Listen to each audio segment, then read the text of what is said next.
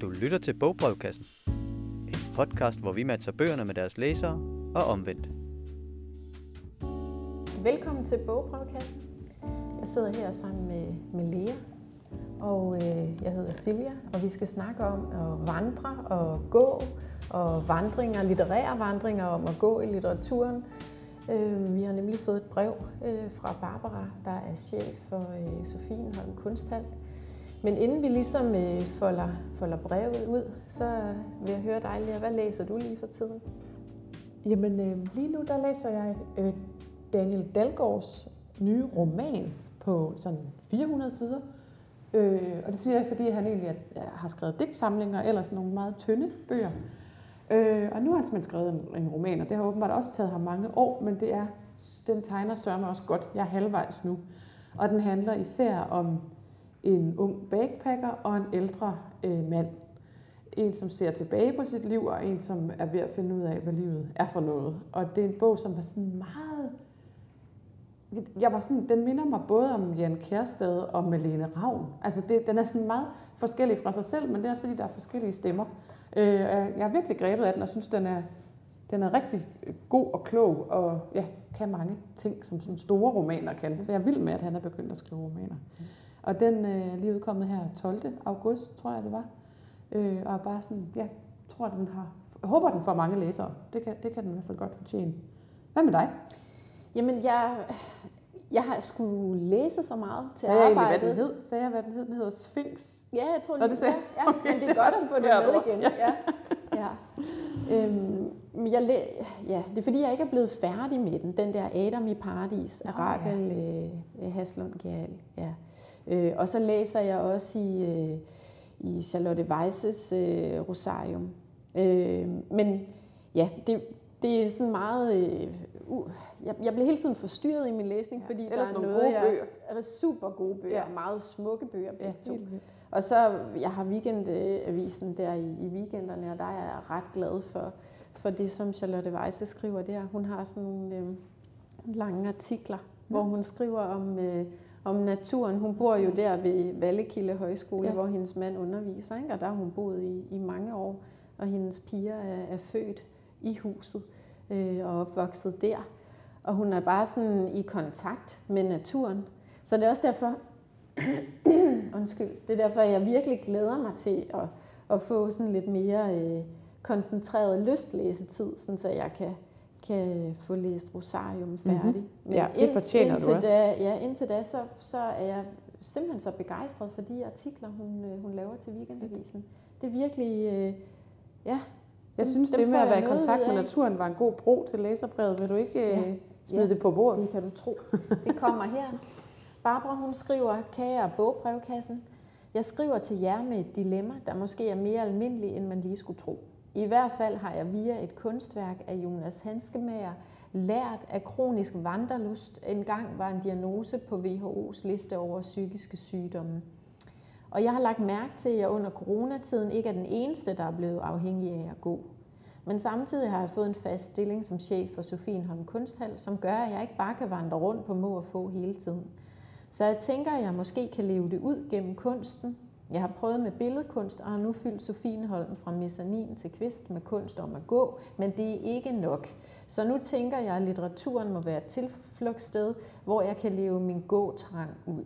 Jeg har allerede læst og elsket Thomas Espedals Gå og H.C. Andersens En fodrejse til Amager og Søren Kirkegaard. Men hvad nu? Kan I hjælpe gående og håbefulde hilsner fra Barbara? Men hvad nu? Hvad Nej, nu? hun har ikke tid til at gå rundt på må og få. Nej. Det er, der er mange ting i det læserbrev. Jeg er ret vild med det der med, at det har været en diagnose at have vandrelust. Det, jeg må sige, det er jeg egentlig helt... Øh, det er jo fantastisk. Ja. Men det kunne næsten blive en diagnose igen, eller nu er det det omvendt. Ikke? Nu skal man virkelig gå for at kurere cirka alt. Altså stress og depression og sådan noget. Man Ja. skal gå og gå og gå. Ja. Altså jeg, jeg, jeg, først så, jeg blev vildt glad for det, fordi jeg, jeg kan så godt lide gå bøger. Mm-hmm. Men der er også kommet virkelig mange sådan sundhedsgåbøger. For eksempel sidder jeg her med Gitte Holses Gå langt. En guide til dig, der er vild med at vandre. Og det bliver nok ikke lige de bøger, vi kommer til at kigge så meget på i dag. Nej. Fordi de, de giver ligesom sig selv, Ja. kan man sige. Hvad er det der med at gå? Hvorfor er det så dejligt for krop og sind? Mm. Øhm, I hvert fald de bøger, jeg sådan kom i tanke om i mit eget øh, gå-bagkatalog, var nogle lidt mere sådan eksistentielle bøger. Men, øh, men der var også mange. Skal, altså, Barbara er jo også... Øh, det, vi, det er jo det første læsebrev, vi får fra en, vi kender, kan man sige. Ja. Og Barbara er egentlig et, et, men, et utroligt dygtigt menneske med krudt i øh, numsen. Og, øh, og så jeg tænker også, at det er jo også lidt sjovt at sådan skulle finde bøger til hende, når man nu ved det om hende. Fordi nogle af de her gåbøger er faktisk meget langsomme bøger, hvor man netop dvæler og finder detaljer og sådan noget. Men det tænker jeg bare må være sundt for hende. Ikke? Mm. Skal Men jeg starte? også måske ja, netop det der med, at, at øh, der er, noget af litteraturen, hvor så, når man har læst det, så, øh, så kan, man, kan man ligesom gå så til nye indsigter, når man tænker på det bagefter. Ja. Fordi jeg, jeg tror, at i coronatiden har der været mange, der også har gået med podcast i ørerne. Det har ja. jeg i hvert fald set uh, ja. utrolig mange. Ja, fordi jeg plejede, jeg, jeg først i coronatiden, så gik og gik jeg uden nogen podcast, fordi jeg tænkte, det skulle være så sundt og helende at gå der i skoven og slappe af. Og så begyndte jeg at kede mig, fordi at jeg kunne, den, jeg kunne være en træstub i vores skov uden ad, ja, ja. og så proppede jeg den der podcast i ørerne. Ikke? Ja. Det var sådan sikkert en klassiker. Ja. Men øhm, man kan også godt gå og høre en af de her som lydbøger. Ja, det kan man. Ja. Det kan man. Ja. Nå, hvad har du ellers taget med? Men jeg kan, jeg kan starte med, øh, jeg tror jeg starter med Urgå-bogen, føler jeg selv, at det er. Og det er selvfølgelig Henry David øh, Thoreau om at vandre. Med smukke, smukke tegninger. Så smukke, at jeg sendte dig billeder ja, af det der. Den, af Svend Havsten Mikkelsen, som faktisk ja. har illustreret mange smukke bøger. Øhm, og det er da en gammel magasinsag her øh, nede fra vores kældermagasin på biblioteket. Og vi sidder jo i øvrigt, altså vi, vi ville jo have gået rundt, og så begyndte det bare at øsregne. Så nu sidder vi herinde på ja. Lyngby Stadsbibliotek med udsigten over søen, og det regner og regner. Ja. Og der findes ikke forkert tøj og alt det der, men for bøgernes skyld blev vi altså inde. Men Thoreau, han er jo en slags øh, god ekstremist. Han synes faktisk, at det, altså, vi kan lige starte med at høre, hvad han egentlig synes om folk, der ikke går. Og det er også Silja, os der sidder i vores storrumskontor, som han taler om. Når jeg tænker på, at håndværkeren og købmanden, vi er jo altså tilbage i tiden, i deres butik ikke blot hele formiddagen, men den lange eftermiddag med, med siddende med korslagte ben. Så mange af dem, som om benene var skabt til at sidde på og ikke til at stå eller gå på, så synes jeg, de fortjener en vis respekt, fordi de ikke for længst har hængt sig selv alle som en. Selv kan jeg slet ikke holde mig indendørs og så videre, så videre. Ikke? Og, og blot en enkelt dag indendørs sætter simpelthen rust på ham. Han er så dejligt dramatisk. Øhm, og så står der også her, hvordan man så gør, når man skal ud og gå. Hvis du er reddet til at forlade fader og moder og brødre og søster og kone og venner og børn, for aldrig at se dem igen. Hvis du har betalt din gæld, sluttet dit testamente og gjort dit bo op og er en fri mand, så er du reddet til at gå tur. Så han mener det virkelig. Det er ikke bare sådan en eftermiddags tur. Øhm, det er virkelig en stor eksistentiel ting. Og faktisk apropos det der med at lytte til podcasts, mens man går tur, vil han også, hvis han skrev i dag, være utrolig meget imod. Øhm, han går nemlig meget op i det der med, at man, at man ligesom... Han skrev jo denne her bog nogle år efter Walden, hans store kultklassiker øhm, fra 1854. Øhm, han skrev den tre år efter, tror jeg. Så han, han er ligesom flyttet tilbage til byen og sådan noget, men han har ved Grød en stor naturbegejstring, som også er meget moderne. Men han skriver, om det der med at koncentrere sig om naturen. Hvad ærende, hvad ærende har jeg i skovene, hvis mine tanker kredser om noget uden for dem? Og han kan rigtig godt lide det der med, at man ligesom har nærværet til naturen. Mm. Øhm, og jeg kommer faktisk til at tænke på nogle af de her gode projekter med øhm, Frank Eriksen, der har været oppe i Nordjylland og lært dem at lade være at slå græs og sådan noget. Mm. For det skriver han også enormt meget om, at hvorfor skal man, øh, de her forhaver skriver han om, hvorfor søren skal, skal de være så nussede, eller nej, øh, hvad hedder det, nussede, øh, pyntelige og, og flotte? Hvorfor skal det ikke være vildt, det hele? Og jeg synes faktisk, han er, jeg synes, den er skøn. Jeg kan meget bedre lide den her end Walden. Og så er der en anden ting, han gør rigtig meget, som, er, som jeg faktisk jeg havde en fest med, og det er det der med, at han kan jo godt lide det vilde, han kan lide naturen, men han overfører det faktisk også rigtig meget på både mennesker og bøger. Han, han siger et sted, øh, at bøgerne, de skal også helst være vilde. Altså, de skal, en virkelig god bog er lige så naturlig, lige så overrumplende og uforklarligt skønt og fuldendt som den vilde blomst, vi finder på vestens prærier eller i østens jungler. Øhm, og det samme med menneskerne, der vil han helt klart også helst være venner med dem, som ligesom har vildskaben i sig. Kort sagt, alle gode ting er vilde og fri. Giv mig venner, giv mig til venner og naboer vilde mænd, ikke tamme. Den vildes ustyrlighed er kun et svagt forbillede på den frygtelige vildskab, hvor med gode mennesker og elskende mødes. Jeg elsker ind over at se husdyrene hævde deres medfødte rettigheder. Elsker et hvert bevis på, at de ikke helt har mistet deres oprindelige kraft og vilde vaner. Som når min nabos ko bryder ud af indhegningen en tidlig morgen om foråret og dristigt svømmer over floden. Altså han, han er bare, altså det, det der vilde, som han virkelig også gerne vil inkorporere. Øhm, og han skriver jo her i 1860'erne må det være, så hvor man ligesom begynder at blive meget civiliseret lige pludselig, og hvor øh, det moderne samfund ligesom opstår, og tingene skal være, haverne skal være firkantede og sådan noget. Og jeg synes bare, at den virkelig kan læses med nutidige briller, og man får lyst til at gå ud og, og lade det, og, og være vild, og læse Ja. noget vildt, Ja, ja. og Ja. se en ko, der bryder ud af hegnet. Synes jeg også var et fantastisk ja, eksempel. Og absorbere Ja. naturen på den måde. Men han er også altid sådan lidt sur. Altså, der er meget, man kan gøre forkert, synes jeg. Det er der Ja. hos ham. Ja. Det er jo sjovt, fordi jeg kom... Altså den der måde med sådan at, at, at give sig hen til naturen, sådan at være i gå, altså være gående i naturen uden at, at, at lade sig påvirke af så mange andre stimuli. Jeg kom til at tænke på det der med det japanske skovbad, ikke? Ja. Altså hvor man ligesom hvad skal man sige, det er jo vores naturlige tilstand. Det er det der med sådan at være i naturen. Så derfor så bliver kroppen, den bliver afstresset af det, selvom ja. vi er sådan nogle civiliserede typer, ja. som egentlig er vokset op på et storrumskontor Ja, ja, ja. foran en computer. Ja. Ja. Jamen hvis man så får stress, jamen, så skal man ud og gå formålsløst i en skov, og ligesom tage et bad i skoven. I skovens altså, lys, det der ja. flimren mellem. Ja. Det er det der ligesom, ja. det Og jeg kan huske, smukt. at du engang inviterede Lea til, til Skovbadene. skovbad. Det er rigtigt. Og der var en af dine veninder, der havde taget badetøj med. Ja. Fordi hun tænkte, der må være et bad et sted. Og der var kun sådan en lille klam mose. Jamen, der var jo ligesom bare sådan Men der et, var et, godt skovlys at bade i. et fantastisk skovlys at bade i. Og jeg tænker også, ja, nu når jeg går tur, så er det jo... Jeg føler så også tit med nogen, som godt kan lide at tage tid. Altså sådan, hvor hurtigt kan vi gå denne her distance? Nå. og det er jo simpelthen bare det, det er det modsatte af et Ja. ja. japansk Ja, skovbad. det må man sige. Ja. Ja. Ja, og det sjove er også, jeg, jeg, når jeg går rundt, øh, vi bor lige ved Store Dyrehave, som er gigantisk. Og når man så går rundt der, og man selv føler sig eksistentiel og skovbade, når man lidt er øh, thorough, ja. så kommer der sådan en motionscyklist, bum, ind på sådan en sti, og de der stier krydser jo hele tiden. Ja. Men sådan er det jo. Og apropos det, altså, nu tager jeg lige den omvendte Ja, ja, pangdang, så, fordi så sidder jeg her med Hyttebog fra helvede, som er skrevet af nordmanden Are, Are Ka- Kalvø. Øh, og det er en nordmands modvillige forsøg på at lære at elske naturen. Og det er, han er virkelig sjov. Han kan ikke forstå, at alle folk de skal ud i naturen. Og han, han håner faktisk altså lige præcis den der nye eksistens, den næste sådan religiøse øh, nærvær til naturen, man skal opleve. Øhm, og, og også det der med, at nogen det er så for formation og hele den dag, eller den del af det, men nogle er også det der med, at der, han skriver fint nok med alt det der med motionen, men de fleste mener også, at der er noget ved naturen, som de ikke helt kan sætte ord på. En følelse, som de påstår, man faktisk er nødt til selv at opleve. Noget uforklarligt.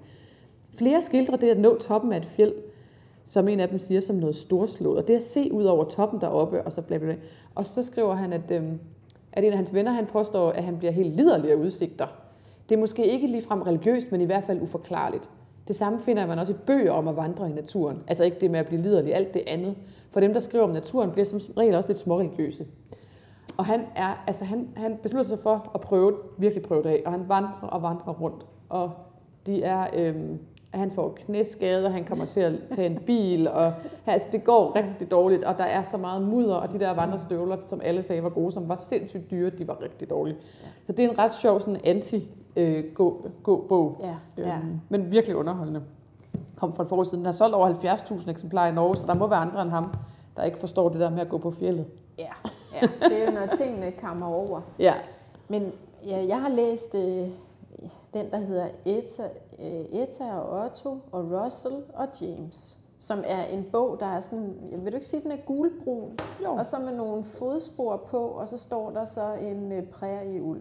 Og jeg har haft kigget på den rigtig mange gange. Jeg synes bare, den ser hyggelig ud. Ja. Så jeg tænkte, det der, det er en hyggelig bog, og så da jeg skulle finde ud af, hvad for nogle bøger, der handlede om at vandre, så poppede den op, og så tænker jeg, "Nå, men så er der da anledning til at få den læst. Øh, den er skrevet af Emma, Emma Hopper, og den er fra 2014, så den har egentlig nogle år på banen. Og den handler om øh, den 83-årige Etta, som aldrig har set havet. Og øh, hun beslutter sig for, at det vil hun nu. Og man kan også ligesom fornemme, at hun har nok øh, noget tidlig demens øh, på vej. Altså, hun skriver ligesom til sin mand Otto, som hun bor med. De to øh, gamle nisser bor derude øh, på landet. Og øh, så skriver hun bare en seddel til ham en morgen, at nu er hun lige gået. Der er kun 3.223 kilometer til havet. Og hun er gået, øh, fordi hun lige vil se det, og hun øh, kommer tilbage, hvis hun ellers kan huske det. Ja. Øhm, Hvordan tager han det? Ja, det? jamen Otto tager det pænt, okay. og han venter. Han Ja. venter på hende. Og så er der en øh, historie, fordi det er jo også det der med, at man, kan sådan, man går jo ind i sig selv. Ikke? Man går ud i verden og ind i sig selv, og man går frem og tilbage i sine minder, når man øh, er så meget på farten. Og når folk er gået, ja, så dem, der sidder tilbage, øh, ja, går også tilbage i, i minderne. Og, og Otto går tilbage i det minde, han har med Etta, fordi hun var faktisk en skolelærer, der kom til byen. De var stort set jævnaldrende, men han har måske kommet lidt sent i skole. Han gik i skole hver anden dag, som man gjorde i, i rigtig gamle dage. Øh, så hun var lærerinde, og øh, under krigen bliver Otto så sendt øh, afsted. Og øh, hun bliver tilbage, og de skriver øh, sammen, og da han kommer tilbage fra krigen, vender hjem fra krigen, så bliver de ligesom kærester og bliver gift. Ja, så det er, og så er de bare holdt ved lige siden, så de har sådan, du ved, ja, fuldtes ad af livets landevej, eller sådan det. Jeg tænkte også sådan det der med, der var virkelig noget smukt, da jeg læste sådan den sidste side, som jo slutter, som livet slutter på en eller anden måde. Det fortsætter jo ikke evigt, men det der med sådan at have fuldtes af livets landevej, Mm. det er altså også virkelig smukt. Og alligevel vil hun ikke have ham med ud til havet. Jamen, jeg tror bare ikke, at man kan... Ja, det er nok ikke alle veje, man kan gå sammen, Nej. men han er med hende i ånden. Ja. Eller sådan, Ja. Det er også en meget sådan, fin fortælling. Han har ikke sådan mist, de har ikke mistet hinanden. Nej. Hun skriver også ligesom hjem til ham. Og Russell, som er øh, Ottos... Øh, altså Otto, øh, Russell er sådan en til, et tilløbende barn til den store familie, Otto er født ind i. Så de er en form for brødre. Og de er jo begge to stormende forelskede i, i søde lærerinde Etta der. Og det ender så med, at det er Otto, der, der får hende, men, men Russell har, får hende også lidt på en eller anden måde. De er bare sådan utrolig nære venner. Og han bor på en gård øh, lige ved siden af. Øh, og mens... Øh, han bliver lidt måske irriteret over, at Otto ikke øh, ligesom tager efter, efter Etta, så det gør, øh, det gør Russell sig selv. Og finder hende, men som Etta også siger, "Men du skal jo ikke, nu må du lige lade mig gå. Ja. Og så går Russell så en anden tur. Altså det er nogle meget vandrende typer. Ja. Han er meget interesseret i sådan noget med store hjorte, så han går Og i hvor er vi i den natur, de nogle- går i? Er det sådan... Øh, Det er, ja, det er i USA. Ja, Et sådan, eller andet og sted. helt almindelig natur. Simpelthen, ja. ikke store nationalparker og sådan noget? Nej, de, Bare de, landevejen. og også, ja, de går bare af landevejen, Ja. ja. og hun går fra, fra landevejen Ja. ja. også og lever af, af, af- det, man nu finder på, på, øh, på vejen. Der er sådan lidt uh, into the wild over Ja. ja. hendes uh, færd, uh, hendes oldingefærd rundt. Og så har hun ligesom, uh, jeg kom til at tænke på flere andre uh, bøger, da jeg læste den, fordi hun, hun får selskab af en prærieulv, som, på hedder, som der. hedder James, som jo selvfølgelig ikke findes. Og øh, James kan være meget. Det kan være det barn, hun, øh, hun ikke fik, og det kan være hendes nevø, eller det er i hvert fald, øh, den manif- altså, materialiserer sig som en, en prærieulv i fortællingen her. Som hun går og snakker med? Ja, og de synger. De synger sange. Det er jo dejligt, når man vandrer og lige synger sang. Mm. Så det gør de også. Men øhm, jeg har da nærmest lyst til lige at læse lidt op. Meget skal jeg, øh, nu skal jeg da lige se her, hvad det kunne være. Mens jeg lige leder efter det, så... Øh, øh, jo, James her. James kunne godt lide at synge. Det er så prærieulven. James kunne godt lide at synge. Han sang altid.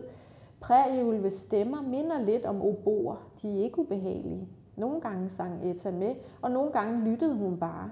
For det meste sang han cowboysange. Nogle gange sang han også salmer eller radiosange, han havde lært af hunde, men det var sjældent. For det meste var det cowboysange. Og så er der lige sådan en, en øh, cowboysang her. Og jeg er allerede ret vild med James. Ja, Hvis stemme lyder som en obo ja, og synger cowboy-sange og ja. salmer. Det er virkelig, det er en dejlig ulv at følges med. Jeg kom jo straks til at tænke på en af mine andre favoritbøger, øh, Løg trækker tårer. Mm. Hvor, Du er et øh, Willemsen. Ja, af Ja. ja. Dorit Willemsen. Hvor det er en, en uh, ulvepels, som dame, den uh, 74-årige dame, nu har jeg desværre glemt, hvad hun hedder, men hun hendes nem idé er udløbet, og manden har glemt hendes fødselsdag, og hun står i øvrigt altid under M-hætten, hvor øh, øh, løgne går lige i tårerkanalen, og hun kan aldrig høre nyhedsudsendelsen, og hun synes, hun bliver dummere og dummere. Så tænker hun, jeg tager en tur til Nørrebro, eller i hvert fald bare til København. Så det gør hun, og så indlogerer hun sig i en skunk i et øh, hus, der ikke er blevet helt færdigt, og der ligger hun så og sover i sin pels, en ulvepels. Og så er det jo så, at når man er på tur selv, så taler man med, hvad der er, og der er en ulvepels, og ulven og hende, de har nogle spændende samtaler. Og det er lidt synes, det, det samme er ret vildt, at du kan finde reader like på en dame med en ulv, eller Ja. en ulvepels, som man Ja. taler til, som ikke burde kunne hverken tale eller synge. Det synes jeg var Ja. virkelig... Ja. og det er to damer, som virkelig har noget, øh, noget grit. Altså, Fedt. de, de tager bare afsted. Ja. Jamen, det er ikke fordi, jeg, jeg, jeg, jeg skal lige tale et minut mere Ja, det må du her, meget gerne. Jeg vild Fordi den at. Otto gør nemlig noget, som er rigtig sødt, og som, øh, som Etta også lidt gjorde for ham, da han var i krig. Etta, hun er god til at bage, så hun bagte meget og sendte øh, ud til fronten. At det kom jo ikke frem i god behold. Det gør det jo ikke, når man sender en småkage til en verdenskrig. Øh, men bare tanken er jo fin, ikke? Det der med sådan, jeg er herhjemme og venter på dig. Du er ude og, og på tur, jeg er hjemme og venter på dig. Der er noget godt at komme hjem til, når du engang kommer hjem. Og det tænkte også, han ville gøre det samme for Edda. Øh, og øh, så han lavede nogle forskellige papmaché. Han begyndte at lave alt i papmaché. Også fordi Russell, den gode nabo og halvbror, jo også tog væk. Og Russell han er så glad for hjorte. Så Otto han lavede også lige nogle flotte hjorte. I papmaché? Øh, I par, fuld Hold naturlig størrelse, ja. en til en. Øh, så sidst så begyndte han bare at lave alt i papmaché og udstille ude foran huset, sådan så Etta måske kunne mærke og også sådan se på afstand, at her var virkelig noget at komme hjem til. Øh, så bliver Otto selvfølgelig øh, kontaktet af, af en kunsthal, der synes, det der ser fedt ud. De vil gerne købe det. Den går i Men, herligt øh, mange retninger. Ja, den går i super mange ja. retninger, men det hele giver egentlig god mening. Fin mening. Ja, ja. Så det er en dejlig bog, og den handler meget om at vandre, og den handler meget om også sådan at vandre tilbage i sine minder, øh, og også om at ligesom slå følgeskab med nogen og vandre med dem livet igennem. Jeg tænker sådan, det er jo ældre man selv bliver sådan en helt øh, unik øh, ting at ligesom kunne slå følgeskab Ja. med nogen på en tur. Det er meget sjovt. Du har jo skønlitteratur med, og jeg har Ja. øh, alle mulige øh, faglitterære numre Ja, med. ja. Her, nu skal vi til 46. Men det er, fordi jeg får lyst til at tage en anden feel good. Jeg fornemmer en vis feel good i Det er her. super feel good. Og jeg fandt, øh, 46, det er Danmark. Ja. Og jeg fandt denne her skønne bog. På forsiden er der en vindmølle, og så en meget moderne kvinde, dog i sort-hvid, men kortklippet, mm. og en, der går rundt med en barnevogn og en buket blomster.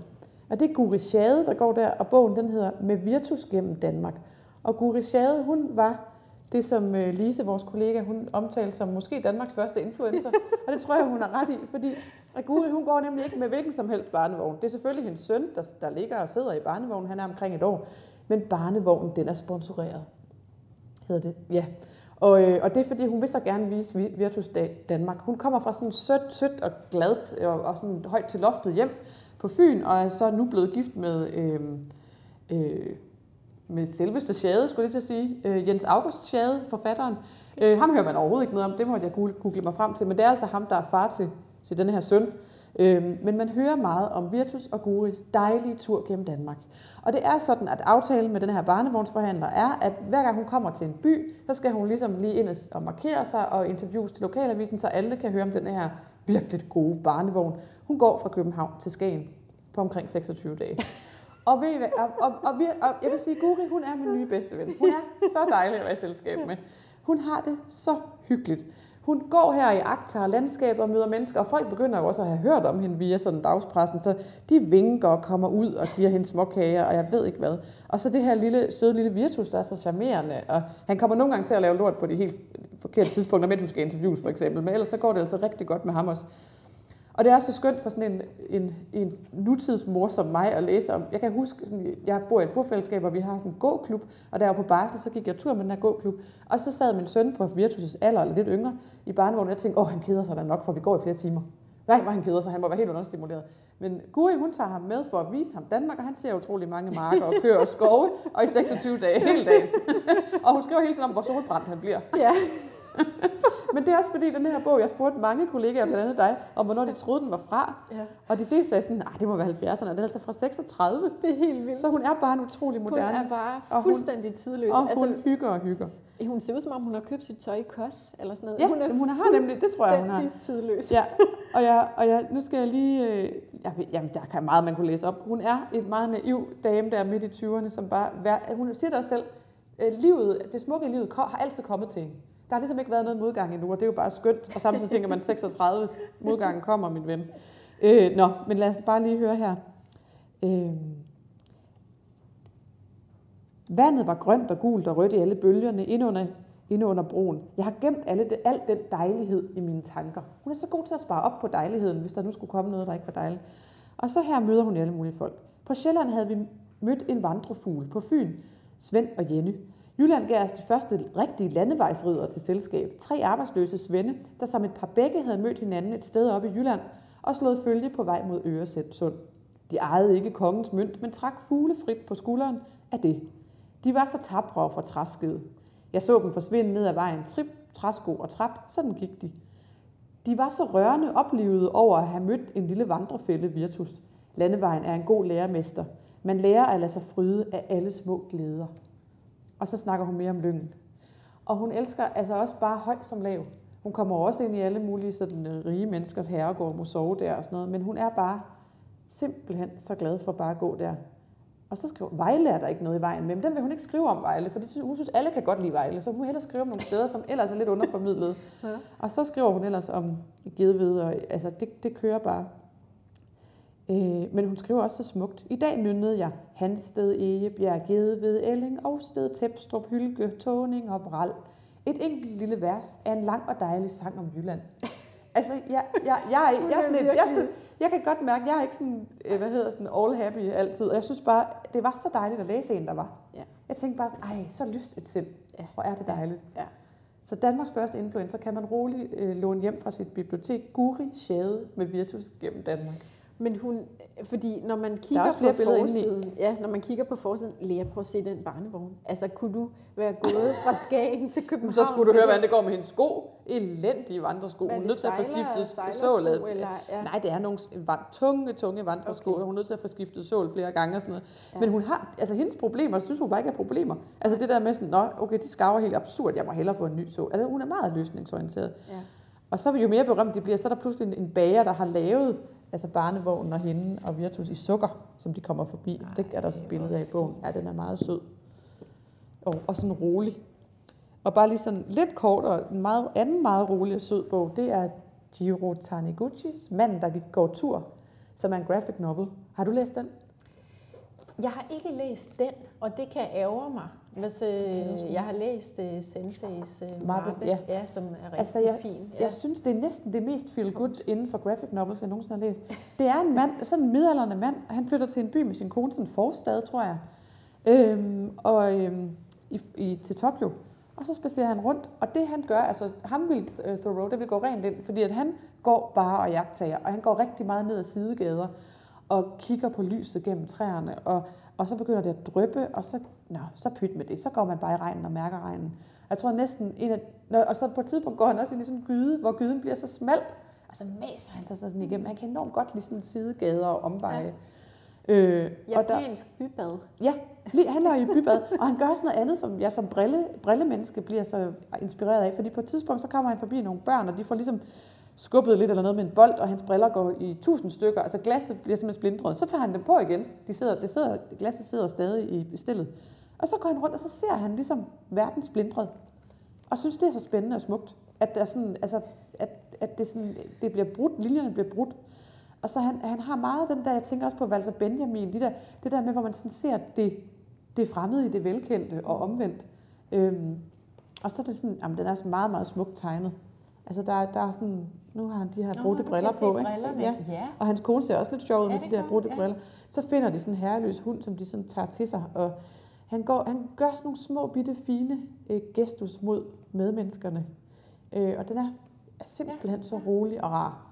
Og der er jo næsten ikke noget. De, han, så han snakker lige lidt med sin kone en gang. imellem. Så køber han nogle kager. Så om natten går han også, så køber han nogle kager med hjem, og så spiser de dem i en park. Ja. Den er bare virkelig dejlig. Ja. Det, så får jeg lyst til øh, at, øh, at nævne denne her bog, der hedder Vandren, hvis mm. du er færdig. Jeg er færdig med, ja. med ham. Det er øh, Adrian Van Dies, som har skrevet den bog, og det er flere år siden, jeg læste den. Øh, og det gjorde jeg, fordi vi skulle have sådan en bogcafé med litterære vandringer. Og så, øh, ja, så, så faldt jeg over den her. Han er en, en hollandsk forfatter. Og øh, han bor i Paris, hvor han er pensionist. Ham her, altså jeg skulle næsten til at sige forfatteren, men det er fordi, jeg tror lidt, at det er ham. Han hedder Molder, og det er også et, et navn, som, øh, som forfatteren sådan set hedder. Det var et eller andet med, at hans forældre øh, ikke helt kunne få, få navnene til at passe, så officielt hedder han Adrian Van Dies, men han hedder, øh, han hedder egentlig Molder. Så det, det hedder hans øh, hovedperson i romanen. Og den her meget, meget pæne mand, pæne pensionistmand, han har sådan en helt ordentlig tilværelse, der ikke sådan er forstyrret af, af noget, og meget sådan faste rutiner. Men øh, en dag, der øh, går han øh, forbi en, øh, sådan ved et tilfælde, han er ude at gå en, en pæn og ordentlig tur, og så kommer han forbi en brændende bygning, hvor der bor nogle illegale indvandrere. Og ud af den her brændende bygning øh, springer en lille hund ud øh, og nærmest lidt i favnen på ham. Og så er hans skæbne jo forsejlet, at han må ligesom øh, høre sammen med den her hund. Hvad med menneskerne? Ja, det, øh, der er jo flere af dem, der omkommer, ja. og så er der nogen, som selvfølgelig bliver reddet. Øh, ja, man kan sige, det er jo det er jo også sådan lidt en politisk øh, historie, fordi den også handler om illegale indvandrere, og hvor, hvor lidt man måske øh, går op i, hvordan de har det. Men lige nu og her, så forholder Molder sig i hvert fald mest til den hund. Øh, og han tager den med hjem, og han tænker, at det bliver bare lige midlertidigt, det her. Han vasker den, og han øh, putter noget salve på dens øh, forbrændte poter. Øh, og så... Øh, Ja, så kan han jo godt se, at fremtiden for sådan en herreløs, øh, forskræmmet hund, der jo er et eller andet form for hundeinternat, og det nænder han jo så ikke, så han beholder den. Og så begynder de ellers at gå tur sammen. Og den der hund er ikke sådan en hund, man kan have i snor. Den har sådan mere sin egen øh, vilje.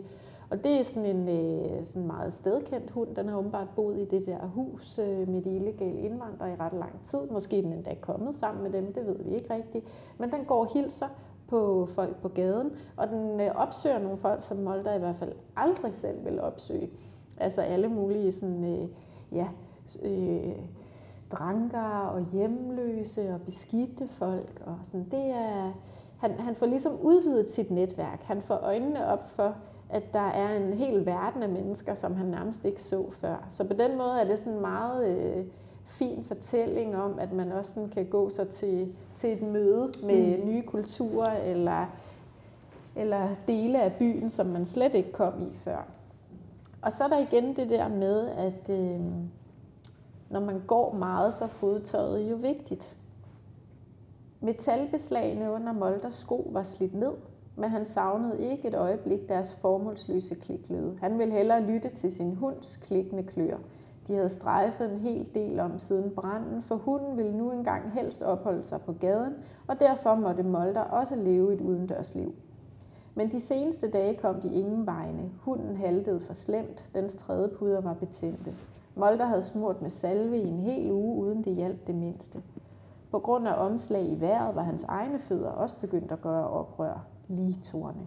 Hans kraftige lædersåler duede ikke til så mange kilometer, for første gang i sit liv havde han anskaffet sig et par løbesko med selvlysende striber og komprimeret luft i hælene.